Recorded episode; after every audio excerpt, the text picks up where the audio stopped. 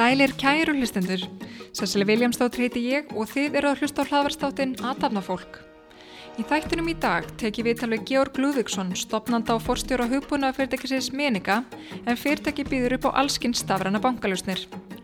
Georg er fættur ár 1976 og er alveg upp í Vesturbænum. Hann gekk í MR og þaðan lág leið hans í hugbúnaverkfræði Háskóli Íslands og síðan Harvard Háskóla, þar sem hann lög MBA gráðu. Georg stopnaði Menika árið 2009 með bræðrunum Áskir og Viggo Áskirsinni en í dag starfa um 100 manns hjá fyrirtækinu í nokkru löndum. Fyrirtækið hefur sapnað um 5,5 miljardum íslenskara króna í hlutafíja frá þekktum erlendum fagfjárfestum og eru með suma á starstu böngum Evrópu fyrir viðskiptöðinni. Í dag fáum við að heyra meira um Georg og vegferð hans með Menika.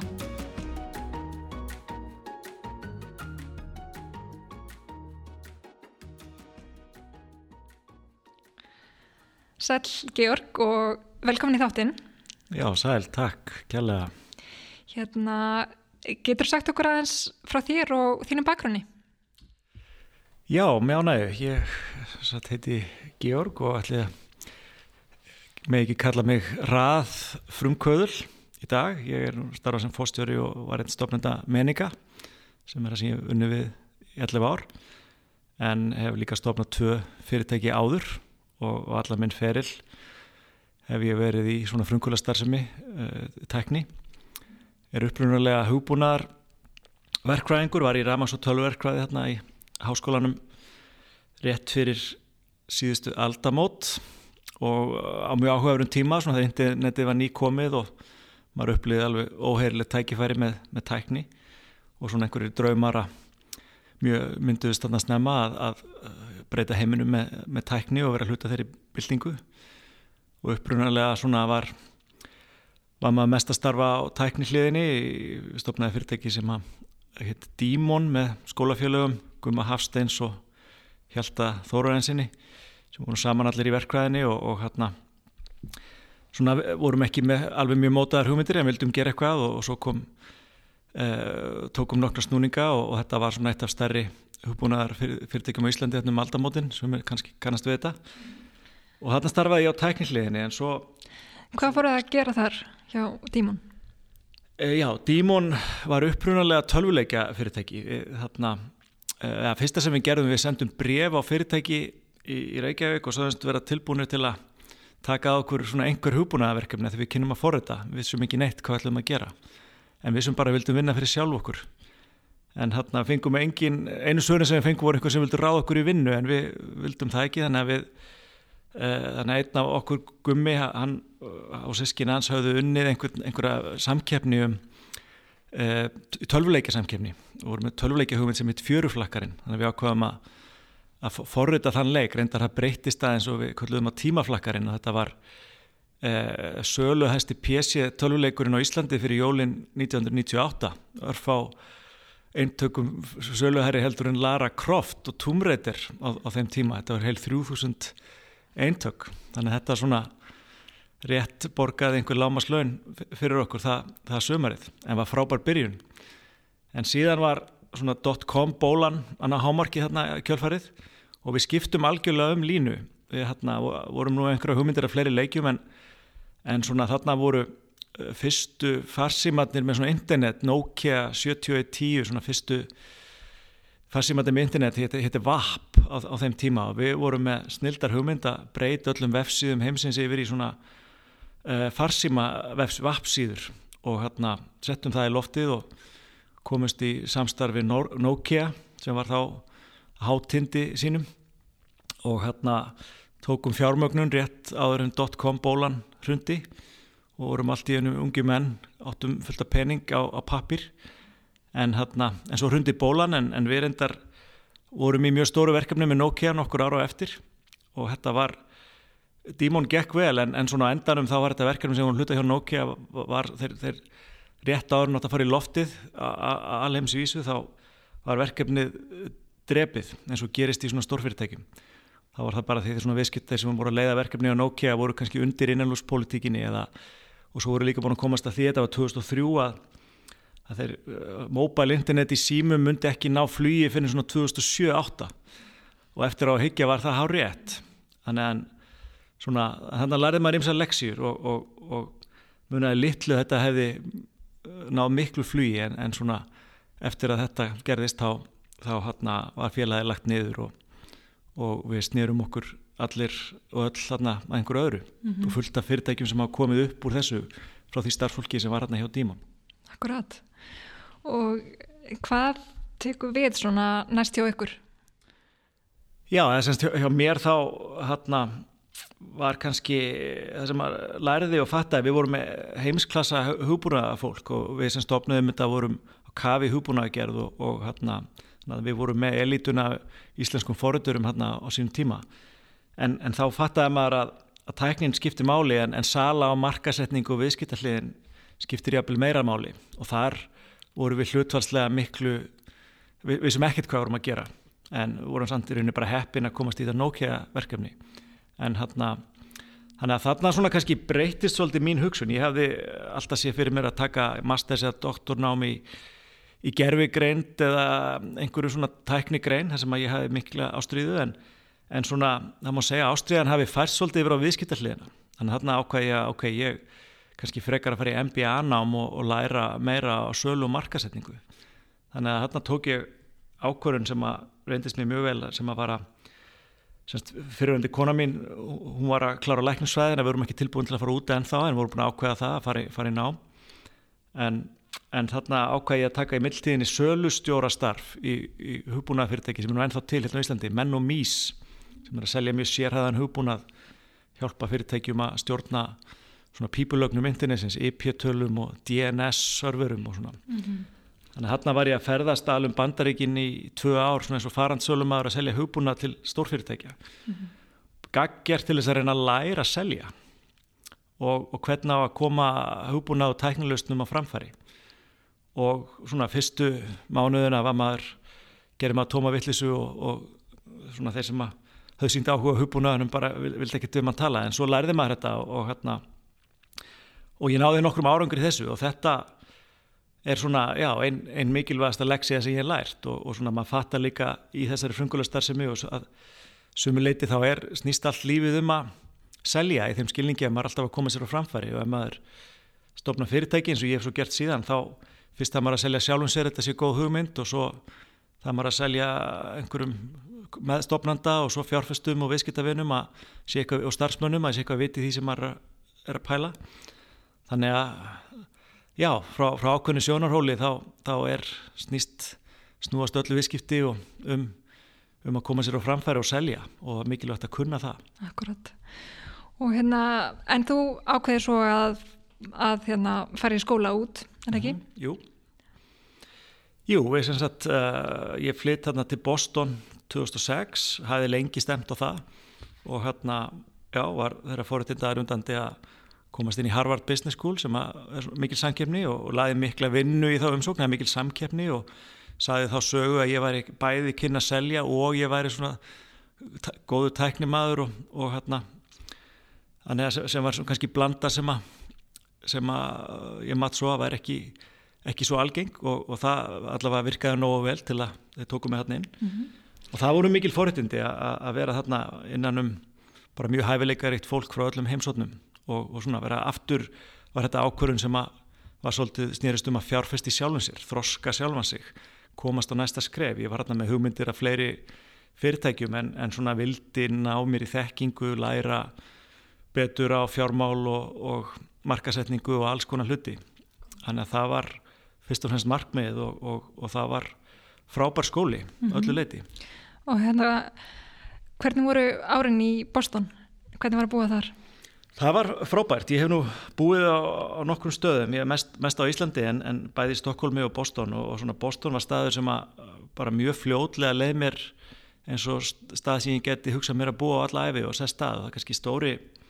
kosturinn er að það eru svo margir aðfluttir frá öðrum stöðum í bandaríkjónum eða frá Evrópu eða öllum heimsóknum. Þetta er svona háskóla höfuborg heimsins, þannig er yfir 200 háskólar.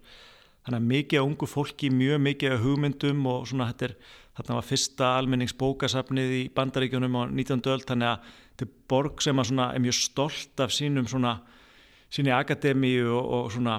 háskólum og, og, og fræða samfélagi þannig að fyrir einhvern sem að svona er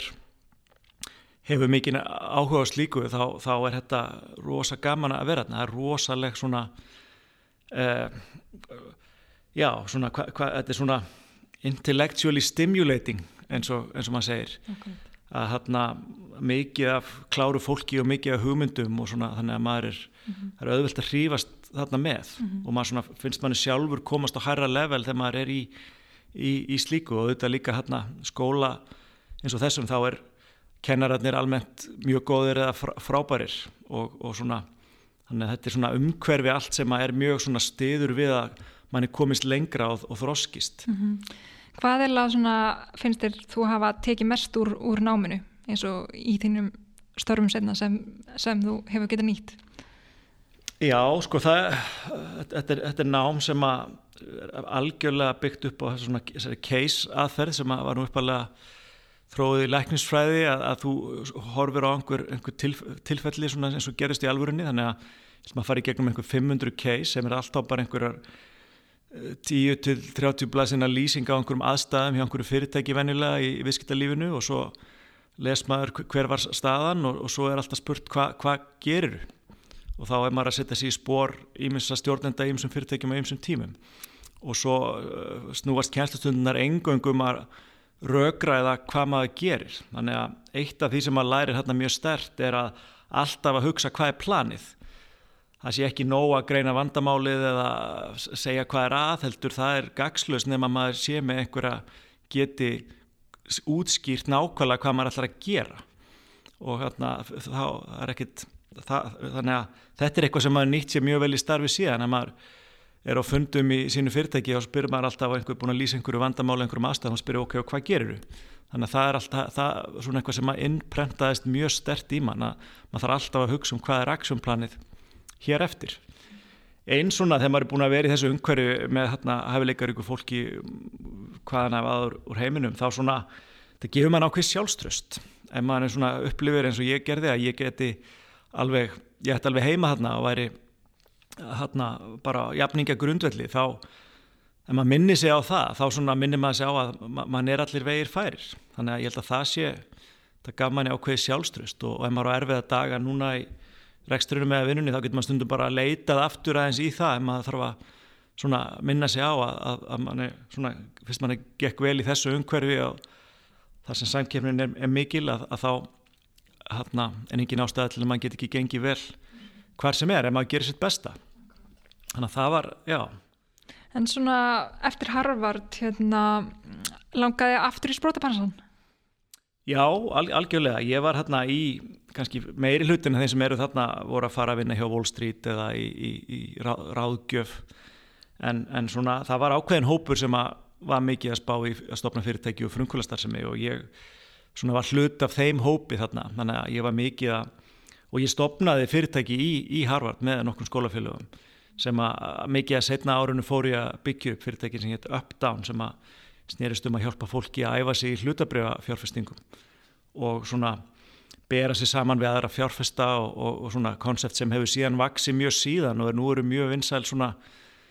svona social investing þjónustur eins og Robin Hood og Co-Investor og fleiri sem að þannig að þetta uh,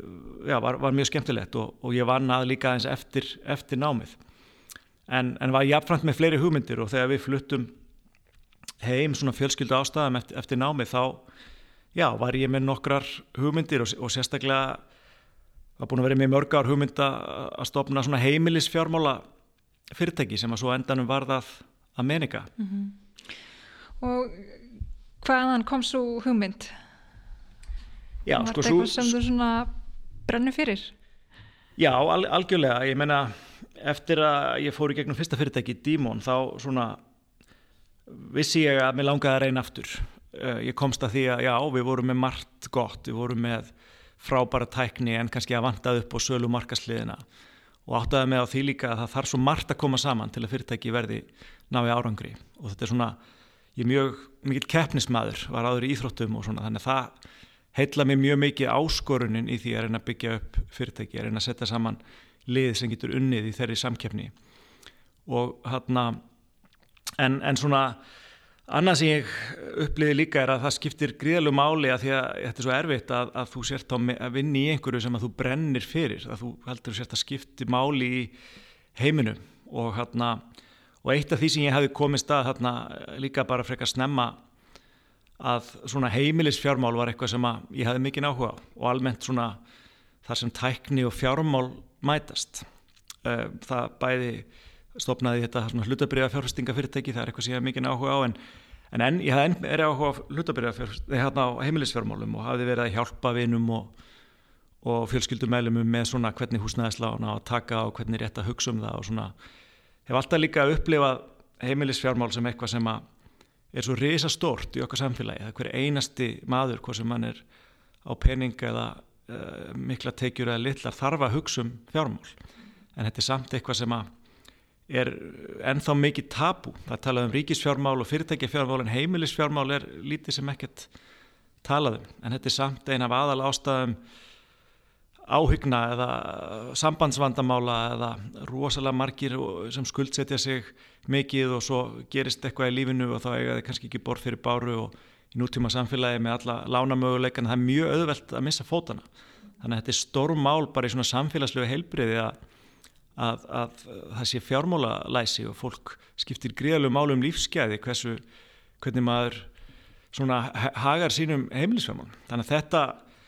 eitthvað sem ég uppliði mjög snemma stert að skipti miklu máli þannig að ég vildi stopna fyrirtæki sem reyndi að ná árangri þarna og, og valdi mér það leið þá að, að stofna minninga sem að, já, er, og, og ákvaðum snemma ákveð við ætlum að vinna með böngum að þess að löst, búa til lausni sem að þá heima inn í netböngum til að hjálpa fólki að skilja og skipuleika fjármálun með það ekki bara mark með að byggja upp fyrirtæki heldur líka að hafa jákvæð áhrif á fjármál miljóna manna. Mm, Akkurat. Og þess stafnið hérna minning árið 2009 bara rétt eftir bankarhunnið og hérna þú stopna fyrirtæki með Áskeri og Viggo hérna, hvernig kynntust þið? Já, sko, einmitt, þetta er líkil spurning þegar maður stopna fyrirtæki hver, með hverjum svona, hverja fær maður með sér í það? Og hérna eh, eitthvað sem að ég hafði velt mjög mikið fyrir mér. Því fyrsta fyrirtækinu Dímon þá voru við uppalega sex stopnundur en bara þrýr okkar enduðu með að vinna við að hinn er alltaf kannski að koma setna ef aðstæðu breyttust og svo breytist það ekki og það var mismunandi skilning og þá allir alls konar deilum og fjölskyldu deilum og veseni. Þannig að og þar skiptu við hlutafínu jæmt og pældum ekkert í þessu. En og eitt af því sem ég læriði svona í frumkvælafræðunum hérna í, í Harvard það voru rannsóknir á hvað svona hvað frumkvælafyrirtekin á árangur og hvað ekki og tveir þriðju af ástæðum þegar fyrirtekin á ekki árangri er, er vegna þess að einhverja svona innri deilur og oft ef að emitt, meðstofnöndunir ná ekki saman eða, eða fari fílu hvorut í annan eða þannig að svona tölfræðilega þá er best að stopna fyrirtæki með einhvern sem voru unni með áður en er ekki vinuðinn eða fjölskyldumælumur. Það er næst best með ókunnugu fólki og verst með vinum og, og fjölskyldu svona tölfræðilega þó að séu þetta fullt að dæmum að bestu vinnir eða hjón stofni fyrirtæki sem gangur vel en það er líka hættulegt. Því að það gengur illa þá ert ekki bara stundum að tapa fyrirtækin heldur líka vináttunni og, og, og fjölskyldu böndunum en svona e, ekki kannski og hafandi þetta í huga einhverju leiti þá líka mér vantaði tæknilega meðstofnanda. Ég reyndar var búin að gera sjálfur en, en svona vilt meina að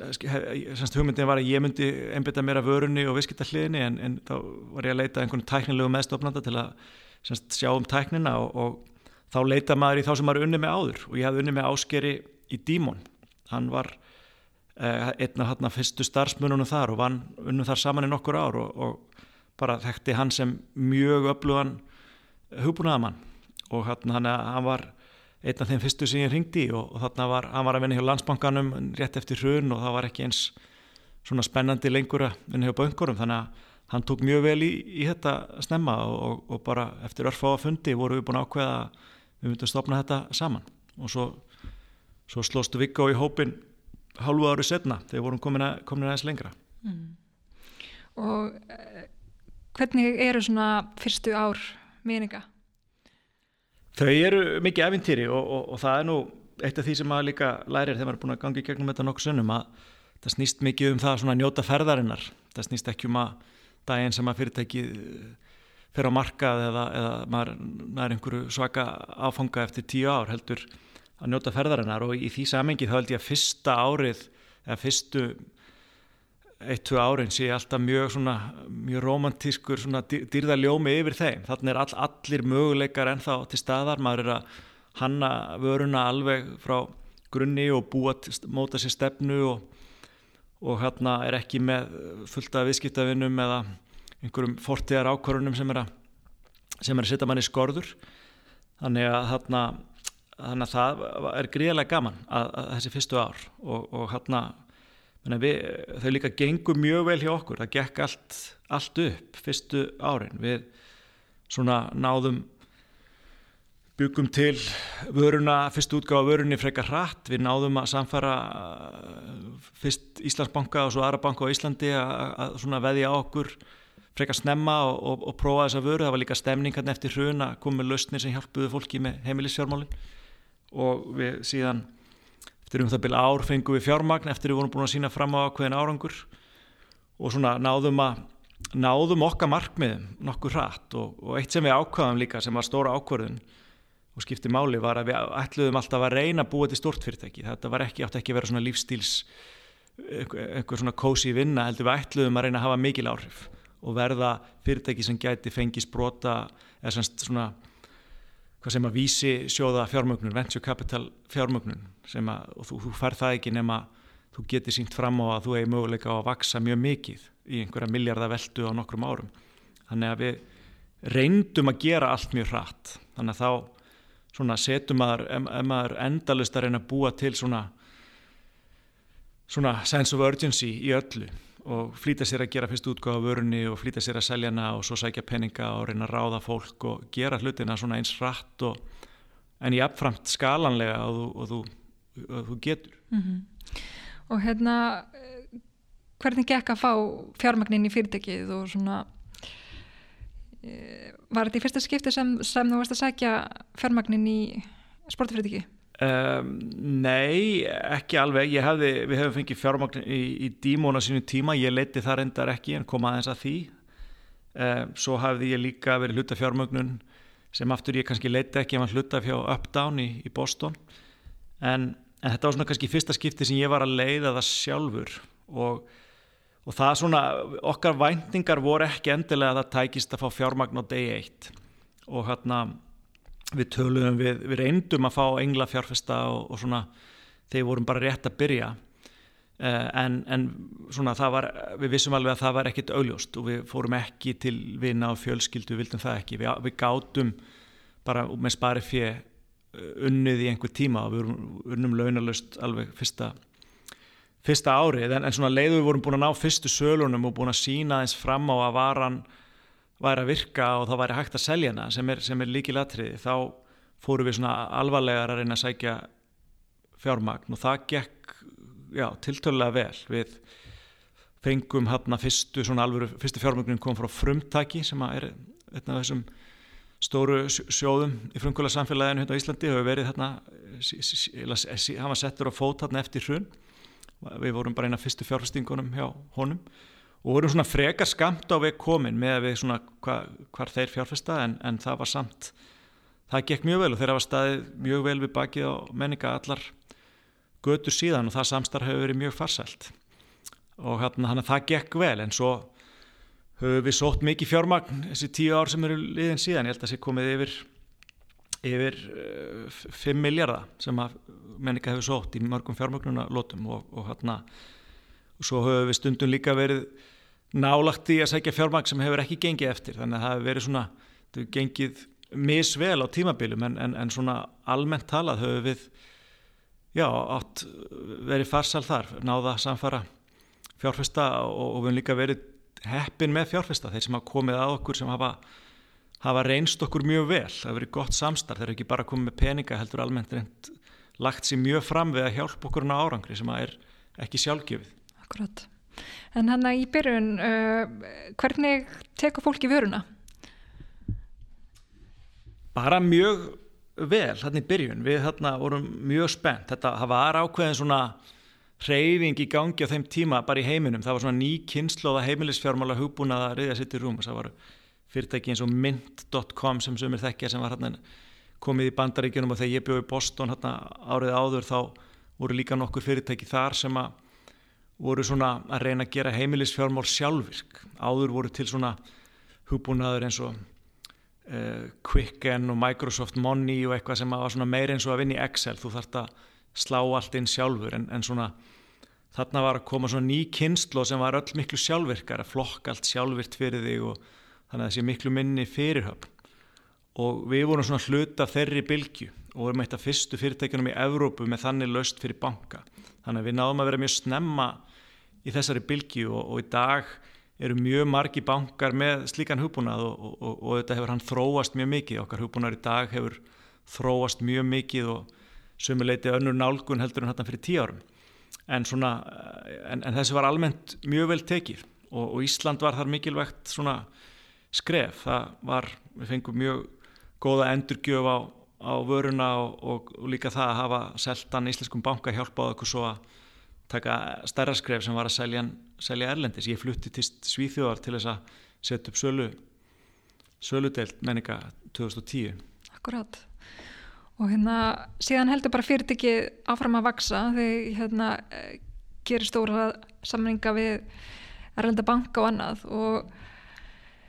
hvernig er þetta að hérna, vera svona nokkri strákar fór Íslandi og, hérna, og síðan þetta bara mættur á fundið með starsti böngum í heimi?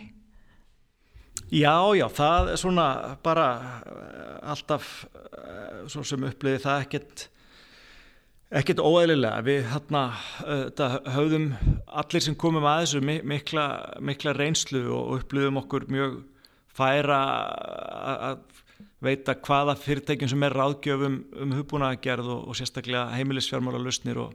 og netbanka. Ásker hafi starfað mjög lengi að leiða netbanka þróun landsbankans og og ég vissi allt sem hægt var um heimilisfjármála og lausnir og hvað bankar voru að gera þar. Þannig að svona, ég held að við höfum alveg upplifað okkur mjög snemma sem strax sem mjög öfluga ráðgjafa og, ráðgjafa líka í því þá hvernig okkar lausnir getu, getu nýst böngunum en auðvitað það voru til að selja til stóra banka þá þartu samt ákveðin svona trúverðuleika og það er erfitt skref fyrir öll sprótafyrirtæki að komast yfir. Þannig að svona fyrst árin þá skipti gríðarlega máli allt sem gaf okkur trúveruleika þannig að fjármögnun skipti þar máli eða skipti máli að við unnum til velöna á svona rástöfnum sem voru að meta bankalustnir og hver viðskiptavinur sem að svona eh, af þeim fyrstu skipti gríðarlegu máli þar. Þannig í fyrstu dílunum þá gaf maður afslætti eða hvað eina bara til að geta sínt fram á heyru við erum hérna komið með fimm aðra banka sem eru búin að kaupa lustnina en leiður úr komin yfir þetta skref og, og það er svona komin með nokkra viðskiptavinni sem að er að veði á þig í mismunandi löndum þá er þetta orðið miklu örugara þá, þá er allavega minni líkur á bankunni sem heyri við getum ekki verið hérna á eitthvað lítið sprótafyrirtæki sem kannski er ekki til eftir þrjú ár. Þannig að þessi þröskuldur þegar maður er að selja til fyrirtæki eins og banka er mjög erfiður í upphafi en, en okkur tókst að komast yfir hann og núna er þetta eiginlega öfugt að við erum mjög þekkt fyrirtæki í okkar bransa og erum leiðandi á sömum sviðum þannig að við erum orðin þessi örugi kostur svona allavega samanburðið við við kannski ný sprótafyrirtæki. Akkurát. Og þeir eru það alveg um uh, hundra manns núna hérna, skrifstöður hérna á Íslandi og, og Svíþjóð, Breitlandi og Pólandi og hérna hvernig er svona, ef þú getur líst fyrir okkur þessu ferli að vera frangustöri í rauninni að, að leiða þannig vöxt og hvernig breytist þitt hlutverk og hvað gerur þú svona til að, að, að hérna, verða í rauninni alltaf svona nýr og nýr frangustöri sko? þegar fyrir því fyrir gegnum þessu mismundi ferli? Þetta er mjög góð spurning því að þetta er algjört leikilatriði ef maður ætlar að endast í þessu að því að það gjör, gjör ólíkar áskoranir og mismunandi stigum fyrstu stí, stíin snúast fyrst er þetta bara að samfara einmitt meðstoflendur og fjárfesta einhverja að koma að einhverju verkefni. Síðan snýst þetta um að byggja vöru og, og svona hvernig bæði byggja vörun og hvernig ætlar að selja hana. Þannig að rosa mikil sköpun í því á fyrstu stíðunum síðan tekum við kannski þessum einmitt, áherslan er á sölu. Þú ert búin að byggja vöruna þá þarf þetta að selja hana. Þannig að það var kannski ár 24 var aðal málið að byggja upp söludeilt sem að getur selt uh, af krafti til banka hvar sem er. Og svona en, en eftir það síðustu ár þá þetta snýst þetta meir um svona byggjup byggjup fyrirtæki svona í víðum skilningi. Þá er þetta byggjup uh, já, það er að ráða fólk og, og, og stjórnendur og, og svona og það að mismunandi stigum eru mjög mismunandi svona skilsett og hæfileikar sem að þú ert að leita þannig að og það er stundum það erfiðast í slutverki að kannski einhver stjórnandi sem var frábár á einu stíi er það kannski ekki á næsta og þá það, þartu líka að geta tekið erfið ákvörðun að, að þá skipt viðkomandi út sem, að, sem er kannski sem er vantilega þá vinuðinn eða eitthvað, þetta, þetta er ekki þannig að þessi hlutir að, að geta sé þetta svona mismunandi steg og hvað þarf þú alltaf að hugsa hvað, er, hvað þurfum við að gera næstu tvö ár til dæmis núna þó við hefum verið í tíu ár þá sjáum við næstu tvö, þrjú ár sem svona likil tíma, það eru aldrei verið stærri tækifæri í okkar, okkar bransa, það er mjög mikil gerjun í svona hugbúna að lustum inn í netbankum, netbankar er að þróast mjög hratt yfir í svona verða rafræti ráðgjafi og mikil samkeppni og þannig að ef við spilum rétt á spilunum getum við vaksið mjög vel en, en svona það eru, það eru nýjar áskoranir og, og sí, síbreytilegt hvað maður þarf að gera, þannig að þetta er maður þarf alltaf að vera, og svo þarf maður að halda sjálfum sér feskum og og þetta er, þetta er langklöp, þetta er marathón ja. en ekki, eða, eða ultramarathón en ekki, mm -hmm. ekki sprettlöp þannig að og ég menna þetta er komið 11 ár og það er náttúrulega heilmikið álag að vera með hérna, stækandi fyrirtæki og á þessu markaði sem er alltaf að breytast hvað gerir þú svona til að halda við og, og halda alltaf áfram með þess að miklu, miklu þrautsegu? Já, eins og emitt, ég eh, segi, ég menna, ég, margir spurja mig svona hvort þetta svona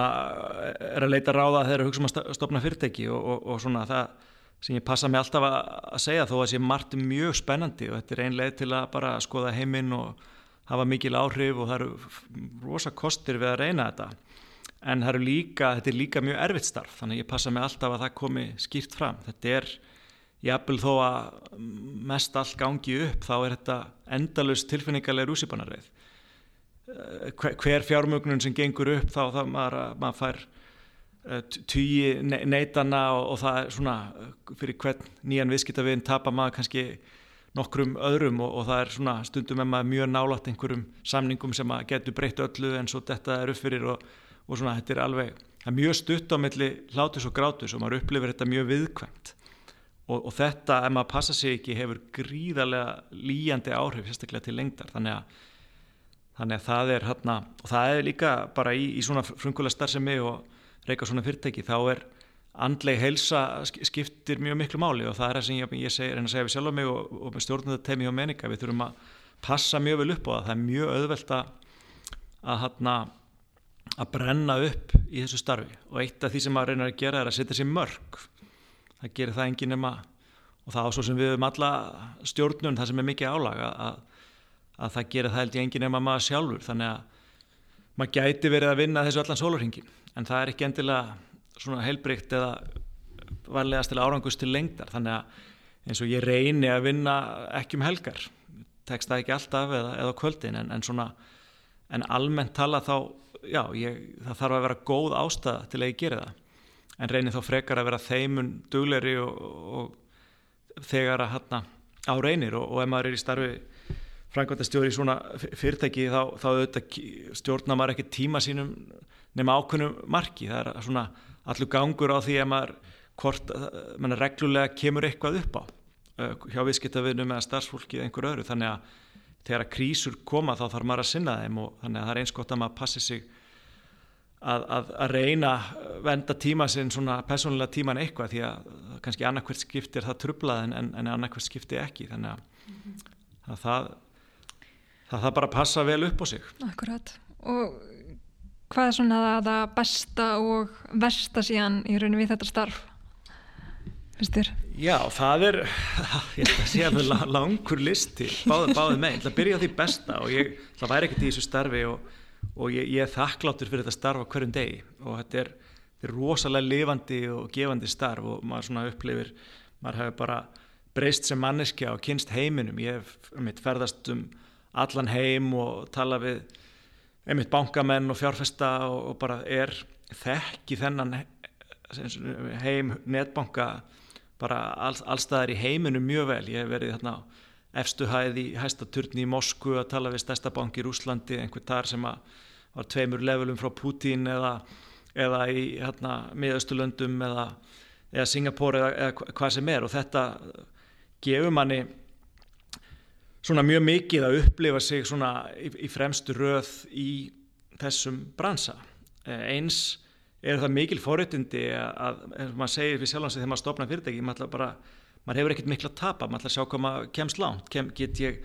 samfart einhvern um að koma með mér í þetta, get ég fengið pening, get ég byggt vöruna, get ég selgt hana, menna það, það þú, svona eitt sem maður eh, saði við sjálf hans þegar maður byrjar, ok, ef að ég ætla ekki að festast í þessu í, í, í mörga ára ef þetta gengur ekkert, ég ætla ekki að drepa mig á þessu en ég ætla að sjá hvað ég kemst. Auðvitað mátt ekki gefast upp í fyrstu hundrun þá auðvitað kemst aldrei neitt. En svona einhver balans þarna og þetta það að ná þessum árangri og geta byggt upp fyrirtæki sem að kom til að manns einn hugmynd og maður er að hafa kannski mest það sem gefa mest samt er að þessi áhrif sem við höfum. Okkar hugbúnaði núna er notaður einhverju leiti að 100 miljón mönnum sem nota netbanka við um heim. Auðvitað er ég ekki að segja að við höfum haft einhver djúpa áhrif á þá alla, það er ekki nema lítið brotabrót sem við höfum haft einhver svona áhrif á en þannig er allavega stór hópur sem er að kannski einhverju leiti að meira eða minna leiti bætt sína fjármálahæðun einhverju leiti út af okkar húbuna og það gefur mér rosalega mikið. Ef ég tala um einhvern notanda sem að segja mér að húbunarinn hafi verið hjálpað einhvern veginn þá gleymi ég öllum, öllum áhyggjum. Eins er þetta leið til að reyna bara það er ákveðin svona patriotismi í þessu reyna að byggja upp fyrirtæki hluta til á Íslandi sem að skapa störf hér og svona eftir að hafa búið eins og þeir þekkja sem hafa búið úti þá er svona blendna tilfinningar að einhver leiti fyrir metnaða fullt fólk þá viltu svona vera í úrvastildinni og, og, og vera að starfa alþjóða vettvangi og þau tækifæri er ekkit mjög mikil hér. Þannig að það að stopna fyrirtæki hér sem er samt að selja alþjóðlega er svona kannski einhver tilrönd til að reyna að að gera bæði í einu, búa á Íslandi byggja upp hér en, en samt að því að hér vil ég búa, það er eitthvað, eitthvað sem að finna þeim að byrja úti. Ég svona sé betur kostun og gallan af Ísland og, og, og, hérna, og kostirnir eru mjög stórir þannig að, þannig að það er svona, já, hluti af þessu líka og bara vera fyrirmynd fyrir börnin sín og aðra að reyna að byggja eitthvað upp og nýta hæfileika sína. Það eru mjög margar ástæður sem eru jákvæðar. Þannig að sá listi mjög langur en, en, en, en hinn listin um, um, um svona dökkulíðarnar er ekki síður langur. Þetta er mjög krefjandi starf og hérna og uh, svona já, ég, ég þekki engan uh, frangandastjóra í, í, í svona, svona nýsköpunar og sprota fyrirtæki sem, að við kenni það ekki þetta sé alveg gríðarlega erfið starf. Þannig að það svona bara hefðbundin vika þá er maður að glíma við ofta einhver mjög erfið starfsmannamál eða einhver mjög stór vombrið í, í, í viðskiptunum og, og, og oft muna svo litlu og einhver endalus vandamál sem það þarf að vera að leysa og á sama tíma er maður að byggja upp mikla ræntingar og maður upplifir mikla ábyrg maður upplifir sér ábyrgan einhver leiti fyrir starfsfólkinu og, og, og viðskiptavinunum sem hafa ákveðið að kaupa lausnina og fjárfustunum sem hafa lagt pening í þetta. Þannig að þetta svona ábyrðin sem maður upplifir að, að ná góðri útkomi fyrir alla er gríðaleg þannig að það koma tímabil sérstaklega þegar maður upplifir að ekki að ganga upp eða ganga illa sem, sem gerist alltaf, bara bestu fyrirtæki ganga alltaf gegnum sveiflur að þá, þá oft líður manni bara reynd út sagt mjög illa og, og erfitt að maður þarf einhverja mjög sérstaklega blöndu af óbylandi trú og bjassinni sem að ég held að ég hafi reyndar og en jafnframt þarf maður að horfast í augu við öll vandamálinn og geta tæklaðu og ráðist á þau okkur um einsta degi. Þannig að sumilegt er maður bara gerir ekkert annað en að, en að vera að leysa einhver, einhver vandamál. Sum sem er kannski alveg gaman að leysa en, en önnur sem er, er eru bara mjög erfið. Akkurat tekir stuttli á viðtalanu til að leysa upp skilabóð frá styrtaræðlum en styrtaræðl þáttarins eru meðlans vís En eins og við vitum þá þarf að huga fyrir en setna að lífs- og sjútómatryggingum og með því að kaupa lífs- og sjútómatryggingar á netinu hefur líka tækifæri til að láta gott aðeins leiða. Ég er mikil kaffekona og því ég vel við hæfi að hafa vörumerkis og kaffetár með sér í liði. Mér finnst frábært að geta alltaf treyst í að þegar ég kaupi póka af kaffi frá þeim að það sé búið að velja úrvalsbönir sem er að mestuleikitum keiftar beinta bónda og hugsa sér bæði um velferð neytenda og byrkja. Til að komast á melli staða þá er einskott að maður sé á rafbíl en í ösku er hægt að fá yfir 30 gerðir af rafmögnum bílum og selja þau frábæra bíla frá Mercedes-Benz, Kia og Honda og þá aftur að viðtælunu.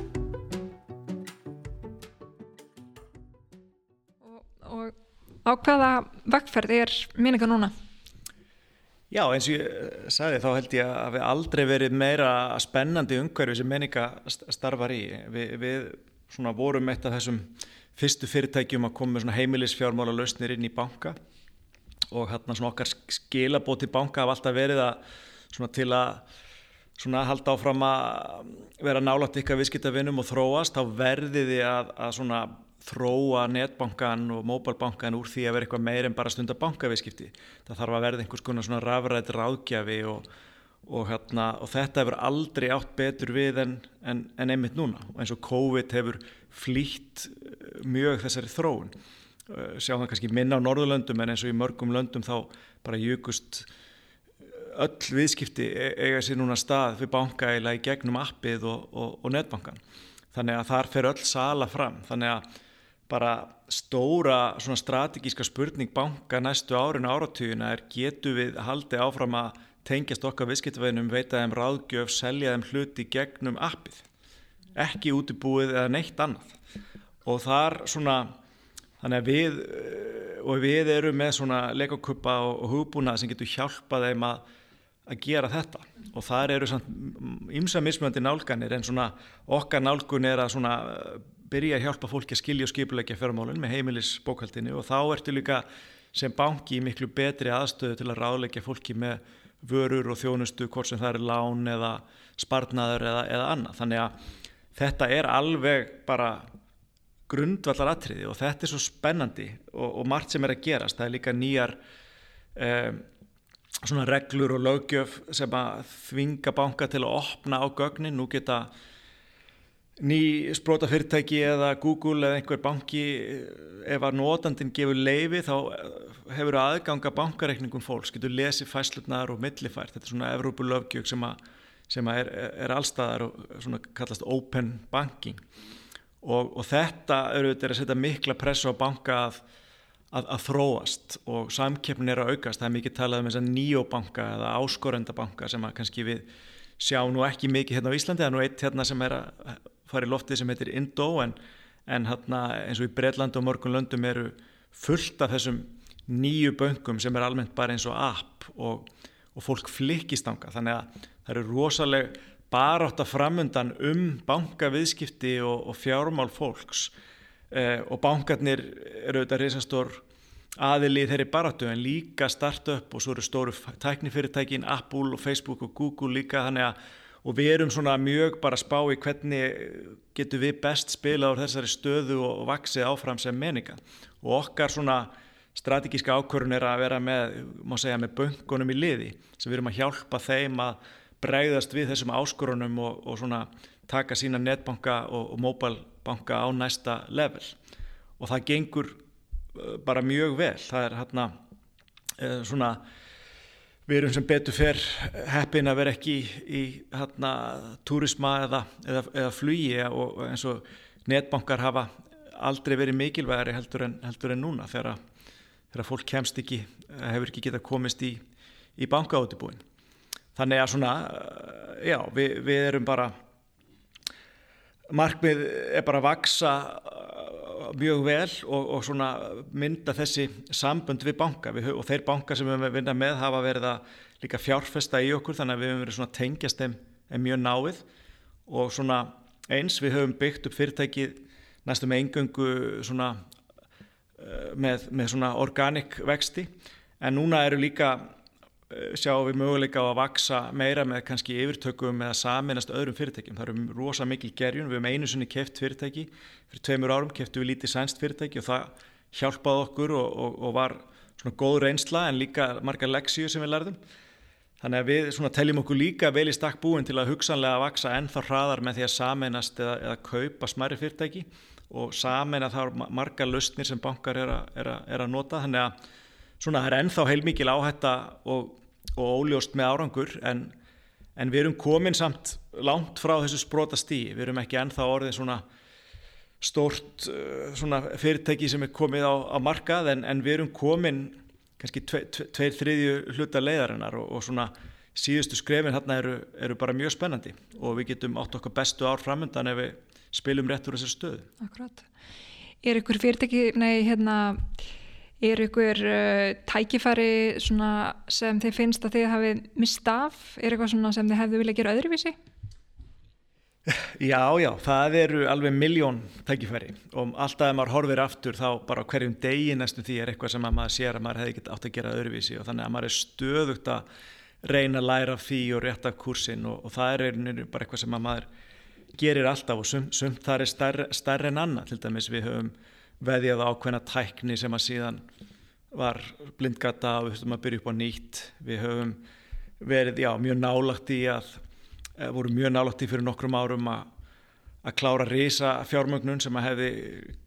okkur, gert okkur klefta þrefalda fyrirtækið og, og, og keira miklu hraðar. Eftir á að hyggja er ekkit víst að það hefði endilega verið betra. Kannski, hefði, kannski var það eftir á að hyggja bara ágætt en það eru, það eru fullt af svona mómentum þar sem við erum nálátti að að, að, að leggja blöpana eða, eða kera á vegg en, eða það sem við bara náðum ekki árangri og þurfum að þurfum að hætta með einhverja vöru. Kannski, kannski stæsta þarna var að, að leksían er að eh, heimilisfjármál hugbúna meninga eh, er sapn af alls konar lausnum. Og, og sumar þessara lausna sem að ég var alveg samfarður um að bankarnir þyrtu og væru mikilvægar hafa kannski ekki náð því flugi sem að við, við hérna byggumst við. Þannig að svona þannig að við höfum lært að maður þurfa að vera meira hömbúl og hlusta á hvað hvað bankarnir vilja meira heldur en að segja þeim hvað þeir eiga að taka. Og auðvitað er þetta einhver blanda að sumuleiti þá kunna er að meta okkar aðgjöf og, og, og við séum með svona eitthvað nýtt. En, en svona líka maður þarf að passa sig að vera ekki að tróða eitthvað upp á þá sem að síðan, síðan virkar ekki eða er oflánt frá þeirra kjarna eða, eða stöðu í dag. Ég held að ég hef svona kannski gert við mistök að halda þeir uppliðu sér sterkar að þeir eru það breytast hratt í teknifyrirtæki og, og hérna en, en hætti að vera banki og, og svona auðvitað er svo þróun í gangi en, en svona maður það meira að, að, að svona horfa mjög skýrt á hvað er raunverulega að virka og ekki svona trúa því og vel sem maður er búin að samfara sjálfansum fyrir en að fyrir en að maður sérða í rauninni virka. Svona heilbrið svona uh, heilbriðu skeptisismi. Mm -hmm, Akkurát En hérna, hverju ertu stoltastur af, af í rauninu þessari vegferð bæði bara með meninga og þenni eigin vegferð sem frumkvöld? Já, ég, með, með meninga er ég stoltur að fyrst og fremst að tvennu að, að þeim áhrifum sem við höfum haft sem ég vil meina séu uh, miklu leiti mjög jákvæð og þá sem að nota okkar lausnir. En líka af, af, af fyrirtækinu sem, að, sem að við höfum byggt upp sem að er já, alþjóðlegt 140 manna fyrirtæki í, í, í mörgum löndum sem að eh, svona, ég held að hver einasti starfsmæður upplifið sér stoltan af því sem við erum að reyna að gera. Þetta er svona mikil tilgangur í þessu fyrirtæki. Þetta er ekki auðvitað þurfum að byggja upp fyrirtæki sem hefur hagnað og, og, og, og hefur fjárasli markmið en, en svona það er stórt í okkur að við erum líka að reyna að bæta heiminn.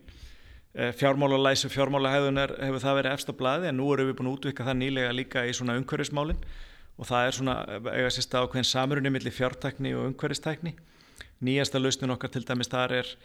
að hjálpa fólki að skilja kólumnisfótsporið út frá fæslunum sínum og, og, og það þá einfalt á einum stað í staðin fyrir að kólumnisfótsporið eitt flug í einu eða eitthvað þá sjáur bara alla neysluna þeina og getur eh, kólumnisjafnaði allavega skilið fótsporið Þannig að það er svona þessi að reyna að hafa þessi jákvæða áhrif í samstarfi banka er, er eitthvað sem ég er gríðarlega stoltur af og, og fyrirtækið og þau tækifæri. Einhvern tíman nýlega voru við með ásattíð í Varsjá það sem við erum með næstastu skrifstofana eftir Íslandi og þá svona, það er ekkit sjálfsagt að setja byggjum fyrirtæki í mörgum löndum. Það er líka svona bara þessi alþjóðavæðing sem var ekkit hérna eða á internetið og annað sem að þetta var ekkit verið hægt fyrir nokkrum áratugum og maður gleymir því stundum og svona að reyna að búa til fyrirtæki sem er þvert á landamæri er, er, hefur alls konar áskorunni för með sér en, en, en það er mjög, mér finnst það mjög jákvægt og skemmtilegt að það sé hægt að gera það þannig að ég er mjög stoltur af því. Og, og personulega kannski af þessari vekkferð þá, þá er það bara fyrst og fremst að, að vera fara mína leið, vera sangkvabur sjálfur mér og, og svona reyna elda að ég, ég er mjög svona alltaf haft sterkan drivkraft að reyna að láta gott að mig leiða og svona nýta mína hæfileika og, og svona snemma mínum ferli vildi ég gera það með stofna fyrirtæki þannig að svona hafa, hafa gert mitt besta og reyna aldrei að hætta að læra hvernig það er hægt að gera betur. Það er svona,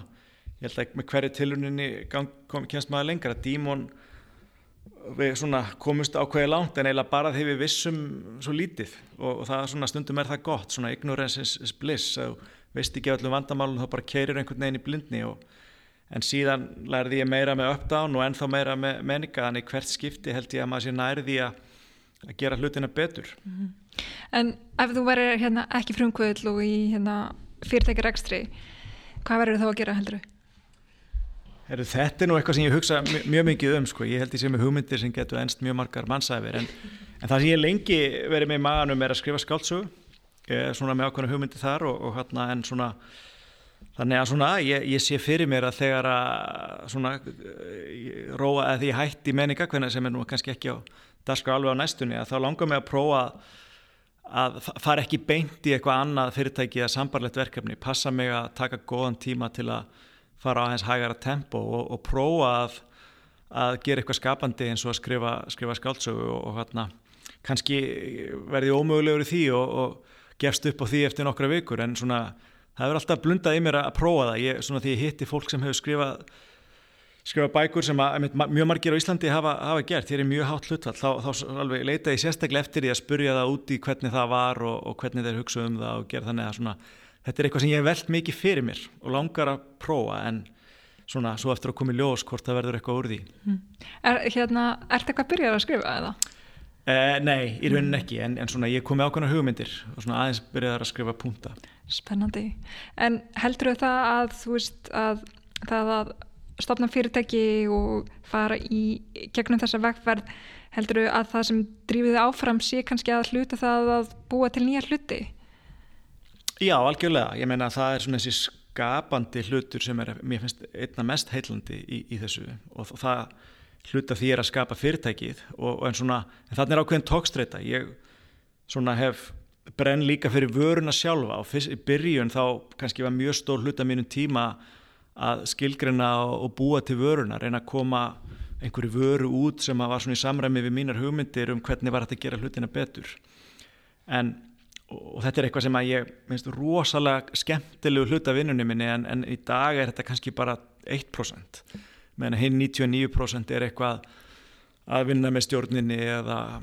eða HR-mál eða starfsmannamál eða hvað sem er annað því að fyrir þann sem er í mín hlutverki þá þartu að passa upp á svo margt í fyrirtækinu og aðrir er í, er í vörunni en svona þannig að þetta er eitthvað sem að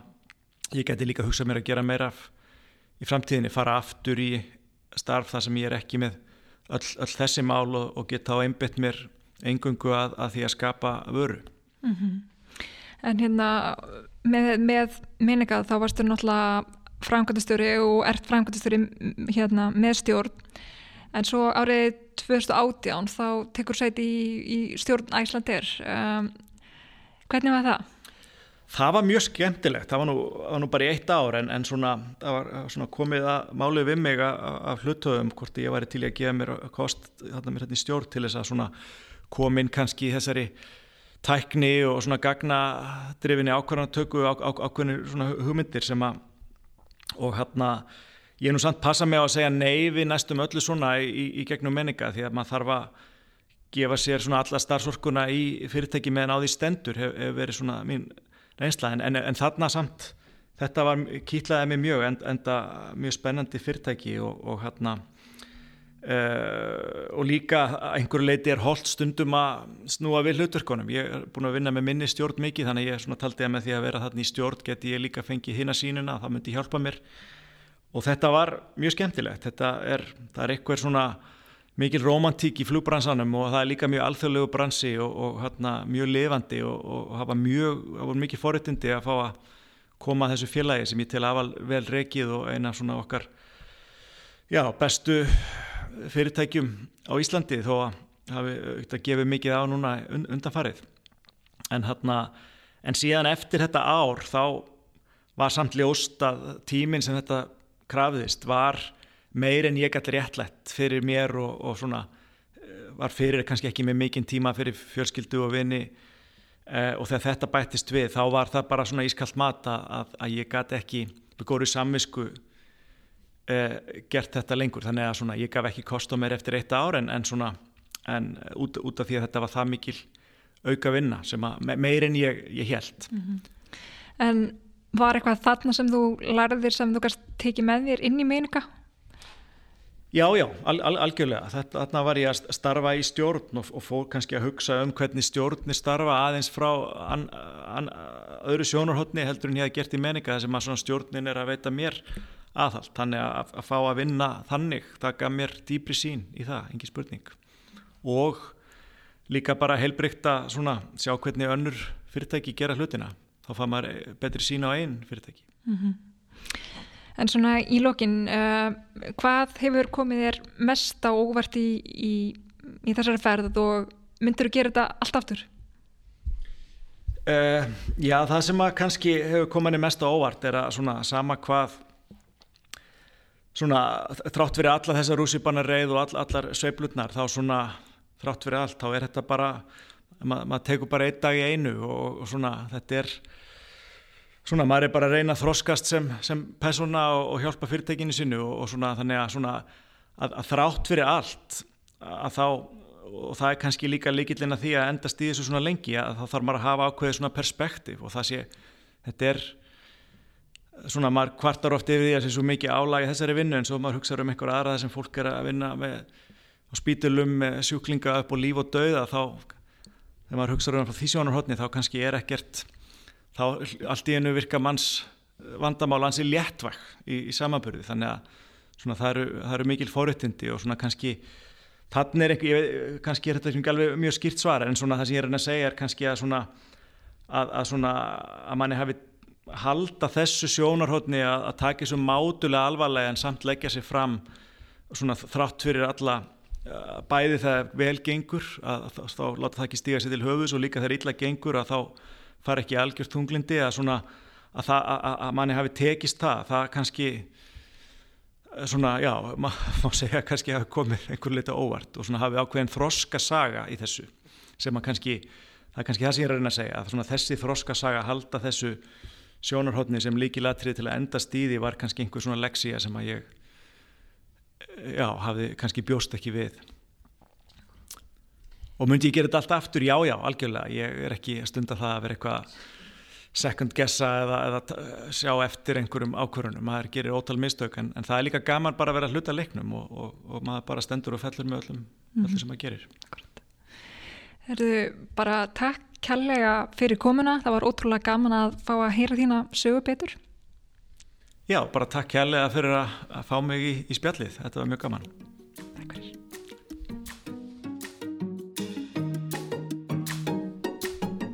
Í næsta þætti spjalla ef enga aðra en Hrund Rudolstóttur forstjóra Veritas. Ef þú vilt heyra fleiri sögur af aðtatnfólki þá hveti þig til að fylgja okkur á hlaðvarpsveitinu þinni og samfélagsmiðlum. Ekki missa næsta þætti.